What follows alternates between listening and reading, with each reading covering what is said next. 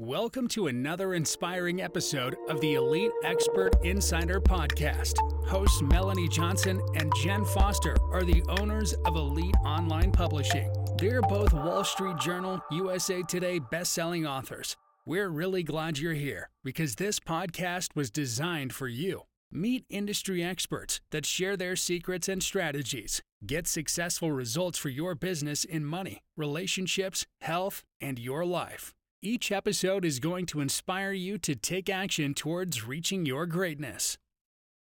Hey everyone, thanks for joining us today. We're so happy to have you here. Thanks for joining us. I'm Melanie Johnson, the host of Elite Expert Insider Podcast, along with my co host, Jenn Foster. Hey, Jenn, how are you doing? I'm doing great. How's everyone doing today? I hope everyone is having a fantastic week. We have the authors, co authors, David and Colton Chorpenning with us today. And their title of their book, it will get your attention. What the F is next. No BS guide to getting what you really want. So if you've been wanting to get what you really want or don't even know what you want, they have a system to walk you through this step by step to get exactly what you want out of life. I know I'm interested in that. I bet you are too. Who doesn't want everything they've ever wanted out of life and decide really what that is instead of just letting life give you what it wants to give you along the road? So, welcome, David and Colton. Thanks for joining us today. Hey, Melanie. Hey, Jenn. Thanks for having us. Yeah, thanks for having us. I've listened to at least one of your podcasts and have taken away some great information. So I'm glad to be here. Awesome. Well, tell us a little bit how you came up with this concept and developed the idea, the system, and the book. Yeah, yeah. So the process itself comes from about 30 years of my dad's work in professional development and life coaching. He, you know, we use this process with organizations, individuals, athletes for that whole time and really refine the process in like practical work in person. And then he published the book, a version of the book called The Field Guide for What's Next seven years ago. And that was a great you know, first edition, it was a great tool again to use for in person, like kind of, you know, structured sessions with people for life coaching and that kind of thing. And then I actually used the book when he published it and did the process, filled it out myself.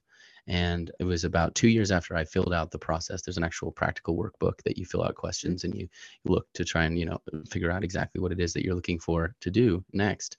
And I was looking at that book at about two years after it. And I saw that my intention was very strong that I wanted to learn to surf and travel the world.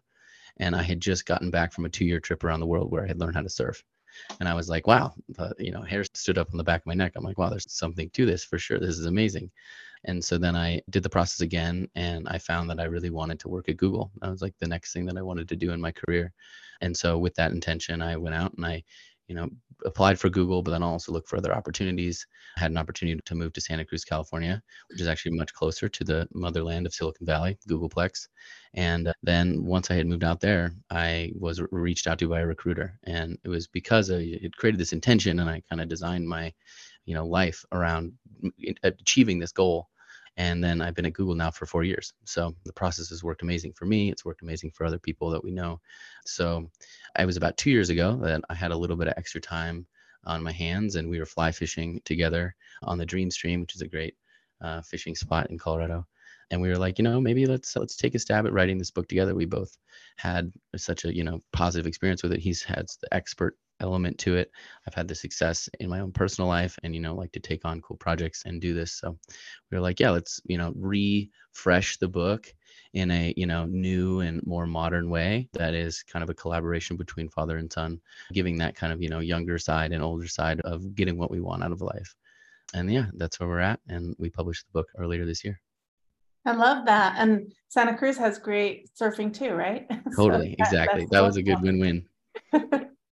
Awesome. And David, tell us your kind of version of that. Like, how did this idea get started with your first edition and now this new second edition? Yeah, I have really found that intention has leveraged what I consider my average skills into having a really great life. So I've had that personal experience. I had it, uh, fortunately, I had it early. I had some opportunities that led me to understand intention and use intention going back to my early 20s, I happened to be in real estate, and the big kind of the thing back then was real estate agents would go to these seminars and people like Zig Ziglar and Napoleon Hill and Tony Robbins, who is obviously still around today, would come and talk to us about, oh, you should set goals because you can sell more houses and make lots of money. And I wasn't totally, that really wasn't, that inspired me that much. But the concept kind of stuck with me. And so I early on created an intention to be financially independent by the time I was 33. And I had success at that pretty straight away. By the time I was 26, I had actually acquired about 13, you know, 13 units and said, okay, well, this seems like a good plan because it was pretty unlikely that I was going to be able to buy that much real estate at 23 years old. Even back then, so with that success, I decided to tra- create some other intentions, which were to have a long-term relationship and to move where I really wanted to live. Shortly after that, those things happened. So with having built some confidence around this tool, I started using it early. And then as I moved through my life, finally it came to the opportunity where I really created an intention that I want to make a contribution to the body of knowledge about things that are important to me. And that is at one of the top of the list. And so I wrote a book called Everyday Visionary, a practical guide to the life you desire. That's been a while ago. And then followed it up with a book that Colton mentioned, The Field Guide for What's Next. So one is the process and the other is all the kind of science and background. So with those two books, always wanted to put them together into one. When Colton came to me, you know, fishing together and that day and mentioned it, it was like, whoa, that would be great for us to do this together because we have collaborated on a number of projects in the past and had a great life together doing a lot of fun things. So to bring this topic into the mainstream world was a passion of mine and doing it with Colton was certainly icing on the cake. I love your story and it's great inspiration. I love the father and son together and we're coming up on Father's Day. So I think this is really just great timing that that you're both here. So you know, I find with today's I'm going to kind of jump today's teenagers, people in their 20s because Colton that's kind of when you started the journey on this everything with COVID and mental health, a lot of times they have trouble finding clarity of I don't know. I don't know what I want. I don't know what my future looks like. I have no vision. It's almost like, you know, New York is having all their air affected by the mm-hmm. wildfires mm-hmm. of Canada and you can't see across the bridge. And it's kind of like their vision is like that. And there's people, even adults that have that. I don't really know. How do they nail it down to figure out what really is the direction they should go in and what they want? Yeah, that's a great question. And I think, you know, there's an interesting moment in time there with the pandemic that created kind of a stillness and such a change in our, you know, traditional day to mm-hmm. day to day that a lot of people did kind of automatically reflect on if what they were doing was serving them or had opportunities to mm-hmm. kind of, you know, work in a new way. So I think that was an interesting opportune, you know, reason that we were like, this is a really relevant time right now to mm-hmm. to work on this book and create this, you know, really concise process for people. I think the you know for anybody just you know working on creating your own approach to creating intentions is the most important step to getting what you want to do or figuring out like what the path is. For us, you know, we have our book built around the process of the big rocks. So basically imagine that you have a jar in front of you and that jar is the time and energy that you have in your life and then i put a, a large pile of rocks next to you and I say, all right, so, you know, what are the biggest and most important things in your life? Those will be your big rocks. And so, and then I have you put those, those rocks into the jar. And I say, is the jar full? And you say, oh, well, yeah, it looks pretty full. And then I say, oh, well, actually, I have another smaller, you know, pebbles, pile of pebbles that I put in front of you. And I say, those are the like medium sized things in your life, like, you know, doing your job or going to a show or going on vacation or something like that. Mm-hmm. And I put those in the jar and those all kind of fill in the crevices around the big rocks. And I say, Is the jar full? And you say, Yeah, the jar is looking pretty full. And then I say, Oh, well, actually, I have another pile of sand here. And the sand represents like the tiny day to day things answering emails, walking the dog, doing any sort of task like that. And then I put the sand and that then fills in the rest of the little tiny cracks. And so with that, then I ask if the jar is full and you say, yeah, it's got to be full now. I could do the same thing with water, but I think you get the point. And the point of that is then that is a perfect way of making sure that you're fitting everything into the jar of your time of your life. If you would have done it the opposite way, you would have put the sand in first, it would have filled this bottom layer that's totally like the same. It doesn't fit around the other aspects that in first. Then you put the pebbles in next and you put the rocks in last, then the rocks are going to be overflowing out of the top and they're not going to get the attention that they deserve in the amount of time that you have. So, a key to the process is answering all the questions that we have, identifying the things that you've been good at, that you like to do, and then figuring out a way to prioritize those first for then the next 30 to 60 days and get started on that what's next in that one area of your life, which is a big rock for you. Mm, I love that. I love the analogy of the jar too and overflowing. I love that. Mm-hmm. How do you get your day to day so it doesn't get in the way? So you fill up your jar, you've got your big goals and your direction that you want to go in. We get derailed, stuff happens. I get sick, a child needs something, you know, someone got fired from their job or whatever happens. There's just even little things throughout the day that distract you. And you're like, oh, holy, you know what? That mm-hmm I didn't even do anything towards my goal today and towards my big rocks. Yeah. So I think Colton really teed up the concept of big rocks. And it, this is a really key factor. And that is so once you you have to do that first. You have to identify what your first rocks are. Mm-hmm. And and to do that, it really requires you to do some process of reflection to determine what are those things that are most important to you you know is your mm-hmm. relationship important is a new career important you know is taking a trip important is your health important and it's not just calling that a category it's it's really defining what does that look like know, i was talking to somebody yesterday and they were talking to me about their they thought their health was really important and they were when they talked to him about it they were adding on all these different things. Oh, my health is important, but then my relationship is important. And then our finances are important. And I said, those are all true. So what you should do is make, you know, your health is your important big rock.